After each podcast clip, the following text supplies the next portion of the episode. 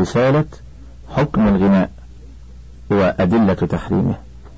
لشيخ الإسلام ابن تيمية رحمه الله ولابن القيم رحمه الله وللشيخ عبد العزيز ابن باز حفظه الله.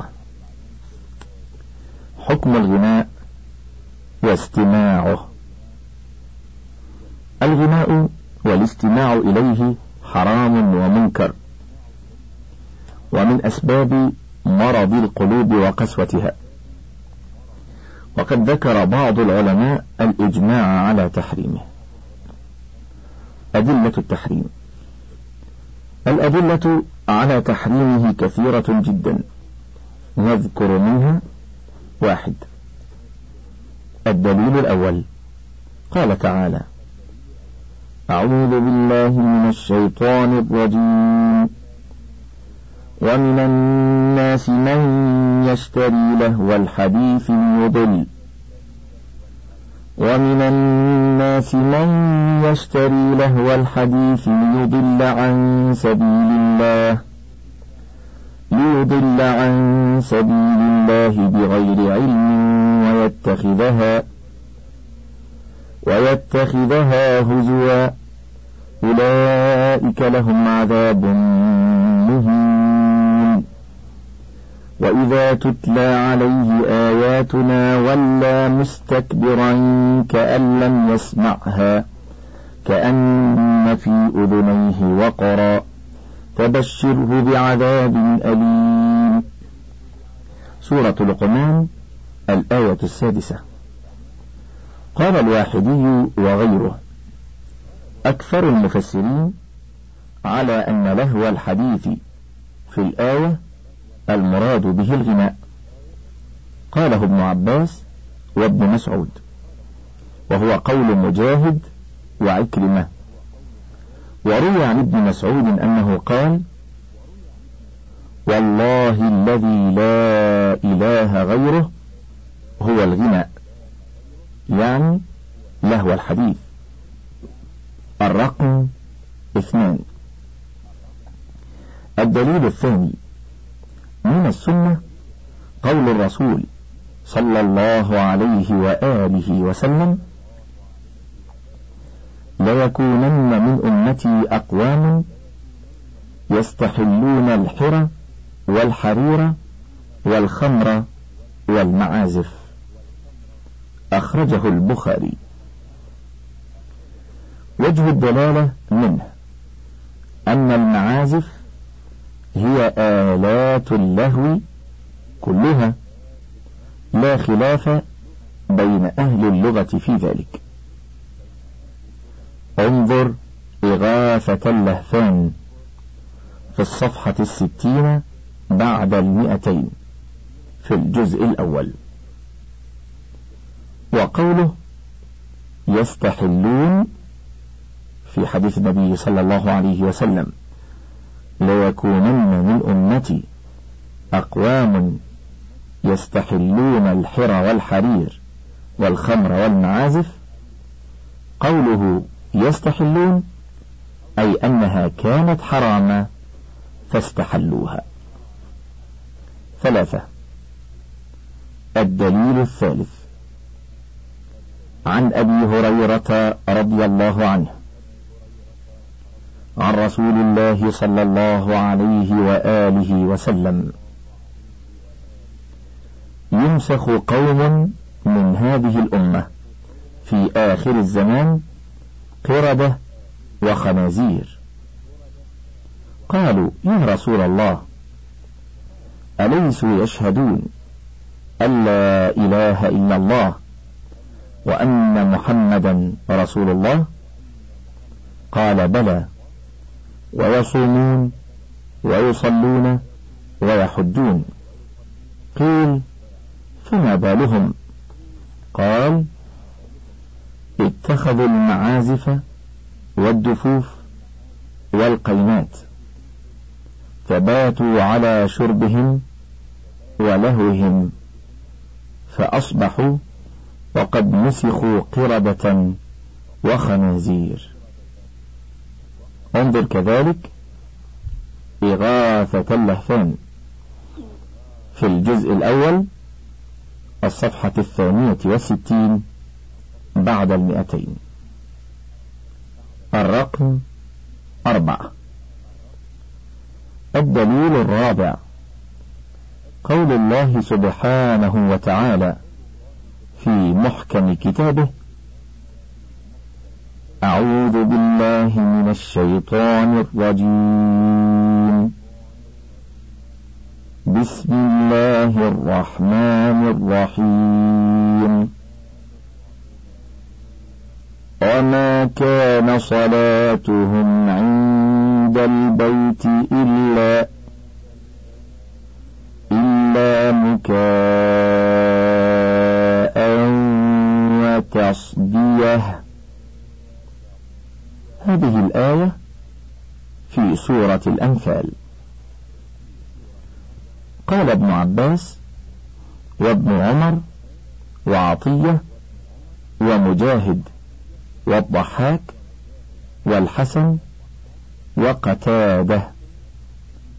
المكاء هو الصفير والتصدية هي التصفيق. بعض أقوال العلماء. قال شيخ الإسلام ابن تيمية رحمه الله ومن أعظم ما يقوي الأحوال الشيطانية سماع الغناء والملاهي وهو سماع المشركين. قال الله تعالى أعوذ بالله من الشيطان الرجيم. بسم الله الرحمن الرحيم. وما كان صلاتهم عند البيت إلا مكاء وتصدية. قال ابن عباس وابن عمر وغيرهما التصدية التصفيق باليد والمكاء الصفير. فكان المشركون يتخذون هذا عبادة وأن النبي صلى الله عليه وآله وسلم وأصحابه فعبادتهم ما أمر الله به من الصلاة والقراءة والذكر ونحو ذلك. ولم يجتمع النبي صلى الله عليه وسلم وأصحابه على استماع غناء قط لا بكف ولا بدف. ثم قال عن مستمع الغناء وحالة خوارقه تنقص عند سماع القرآن. وتقوى عند مزامير الشيطان. فيرقص ليلا طويلا. فإذا جاءت الصلاة صلى قاعدا. أو ينقر الصلاة نقر الديك. وهو يبغض سماع القرآن. وينفر منه ويتكلفه. ليس له فيه محبة ولا ذوق ولا لذة عند وجده. ويحب سماع البكاء والتصدية. ويجد عنده مواجيد. فهذه أحوال شيطانية. وهو ممن يتناوله قوله تعالى أعوذ بالله من الشيطان الرجيم. بسم الله الرحمن الرحيم. ومن يعش عن ذكر الرحمن نقيض له شيطانا فهو له قرين. من كتاب الفرقان بين أولياء الرحمن وأولياء الشيطان.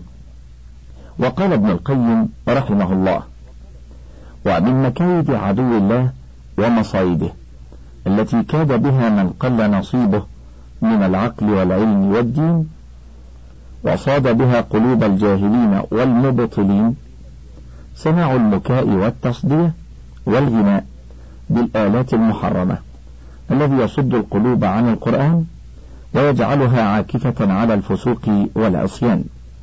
فهو قرآن الشيطان والحجاب الكثيف عن الرحمن وهو رقية اللواط والزنا وبه ينال العاشق الفاسق من معشوقه غاية المنى. كاد به الشيطان النفوس المبطلة وحسنه لها مكرا وغرورا وأوحى إليها الشبه الباطلة على حسنه فقبلت وحيه واتخذت من أجله القرآن مهجورا. فلو رأيتهم عند ذياك السماع وقد خشعت منهم الأصوات وهدأت منهم الحركات وعكفت قلوبهم بكليتها عليه وانصبت انصبابة واحدة إليه فتمايلوا له كتمايل النشوان وتكسروا في, حرك في حركاتهم ورقصهم. أرأيت تكسر المخانيث والنسوان؟ ويحق لهم ذلك. وقد خالط خماره النفوس ففعل فيها أعظم ما يفعله حمي الكؤوس. فلغير الله بل للشيطان قلوب هناك تمزق وأموال في غير طاعة الله تنفق. قضوا حياتهم لذة وطربا واتخذوا دينهم لهوا ولعبا. مزامير الشيطان أحب إليهم من استماع سور القرآن. لو سمع أحدهم القرآن من أوله إلى آخره لما حرك له ساكنا ولا أزعج له قاطنا. حتى إذا تلي عليه قرآن الشيطان وولج مزموره سمعه تفجرت ينابيع الوجد عن قلبه على عينيه فجرت وعلى أقدامه فرقصت وعلى يديه فصفقت وعلى سائر أعضائه فاهتزت وطربت وعلى أنفاسه فتصاعدت. فيا أيها الفاتن المفتون والبائع حظه من الله بنصيبه من الشيطان سفقة خاسر مغبون. هلا كانت هذه الأشجان عند سماع القرآن؟ وهذه الأذواق والمواجيد عند قراءة القرآن المجيد؟ ولكن كل امرئ يصبو إلى ما يناسبه ويميل إلى ما يشكله. باختصار من كتاب إغاثة اللهفان. من مصايد الشيطان. وأخيرا فتوى سماحة الشيخ عبد العزيز ابن باز حفظه الله. يقول السائل ما حكم الأغاني؟ هل هي حرام أم لا؟ رغم أنني أسمعها بقصد التسلية فقط. وما حكم العزف على الربابة والأغاني القديمة؟ وما حكم الطبل في الزواج؟ فأجاب الشيخ حفظه الله الاستماع إلى الأغاني حرام ومنكر. ومن أسباب مرض القلوب وقسوتها وصدها عن ذكر الله وعن الصلاة. وقد فسر أكثر أهل العلم قوله تعالى ومن الناس من يشتري لهو الحديث بالغناء وكان عبد الله بن مسعود الصحابي الجليل رضي الله عنه يقسم على أن لهو الحديث هو الغناء. وإذا كان مع الغناء آلة كالربابة والعود والكمان والطبل صار التحريم أشد. وذكر بعض العلماء أن الغناء بآلة له محرم إجماعا. فالواجب الحذر من ذلك. وقد صح عن رسول الله صلى الله عليه وسلم أنه قال لا يكونن من أمتي أقوام يستحلون الحر والحرير والخمر والمعازف. والمعازف هي آلات الطرب. وأوصيك وغيرك بالإكثار من قراءة القرآن ومن ذكر الله عز وجل. كما أوصيك وغيرك بسماع إذاعة القرآن وبرنامج نور على الدرب ففيهما فوائد عظيمة وشغل شاغل من سماع الأغاني وآلات الطرب. أما الزواج فيشرع فيه ضرب الدف مع الغناء المعتاد الذي ليس فيه دعوة إلى محرم ولا مدح محرم في وقت من الليل للنساء خاصة لإعلان النكاح والفرق بينه وبين السفاح. كما صحت السنة بذلك عن النبي صلى الله عليه وسلم. أما الطبل فلا يجوز ضربه في العرس ولا في غيره بل اكتفى بالدف خاصة في العرس فقط وللنساء دون الرجال انظر مجلة الدعوة في العدد الثاني بعد التسعمائة. في الخامس عشر من شوال سنة ثلاث وأربعمائة وألف هجرية. وبعد هذا كله فإن كثيرا من المسلمين اليوم يستحلون الغناء إما جهلا منهم وهو الغالب أو عنادا نسأل الله عز وجل أن يجعلنا من الذين يستمعون القول فيتبعون أحسنه. أولئك الذين هداهم الله وأولئك هم أولو الألباب. وصلى الله على نبينا محمد وعلى آله وصحبه وسلم. انتهت رسالة حكم الغناء أدلة تحريمه. لشيخ الإسلام ابن تيمية رحمه الله ولابن القيم رحمه الله ولسماحة الشيخ العلامة عبد العزيز ابن باز حفظه الله. وفيما تبقى من الشريط إليكم هذه المادة الإضافية وهي من كتاب الأربعون النووية في الأحاديث الصحيحة النبوية. وعلما بأنه مسجل مستقلا على شريط خاص. حرمة المسلم عن ابن عمر رضي الله عنهما أن رسول الله صلى الله عليه وسلم قال أمرت أن أقاتل الناس حتى يشهدوا أن لا إله إلا الله وأن محمد رسول الله ويقيموا الصلاة ويؤتوا الزكاة فإذا فعلوا ذلك عصموا مني دماءهم وأموالهم إلا بحق الإسلام وحسابهم على الله تعالى رواه البخاري ومسلم. الاقتصار على الحلال الطيب. عن أبي هريرة رضي الله عنه قال قال رسول الله صلى الله عليه وسلم إن الله تعالى طيب لا يقبل إلا طيبا وإن الله أمر المؤمنين بما أمر به المرسلين. فقال تعالى يا أيها الرسل كلوا من الطيبات واعملوا صالحا. وقال تعالى يا أيها الذين آمنوا كلوا من طيبات ما رزقناكم. ثم ذكر الرجل يطيل السفر أشعث أغبر يمد يديه إلى السماء يا رب يا رب ومطعمه حرام ومشربه حرام وملبسه حرام وغذي بالحرام فأنى يستجاب لذلك. رواه مسلم. التورع عن الشبهات. عن أبي محمد الحسن بن علي بن أبي طالب سبت رسول الله صلى الله عليه وسلم وريحانته رضي الله عنهما قال حفظت من رسول الله صلى الله عليه وسلم دع ما يريبك إلى ما لا يريبك. رواه الترمذي والنسائي وقال الترمذي حديث حسن صحيح. حرمة دم المسلم وأسباب إهداره.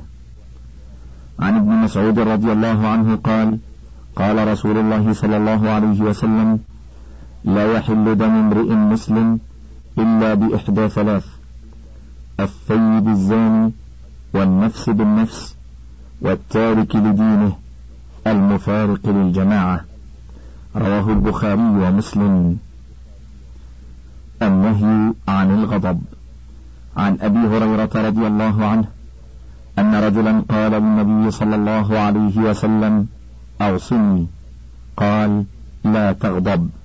فردد مرارا قال لا تغضب. رواه البخاري. وبهذه المادة الإضافية ينتهي التسجيل على هذا الشريط.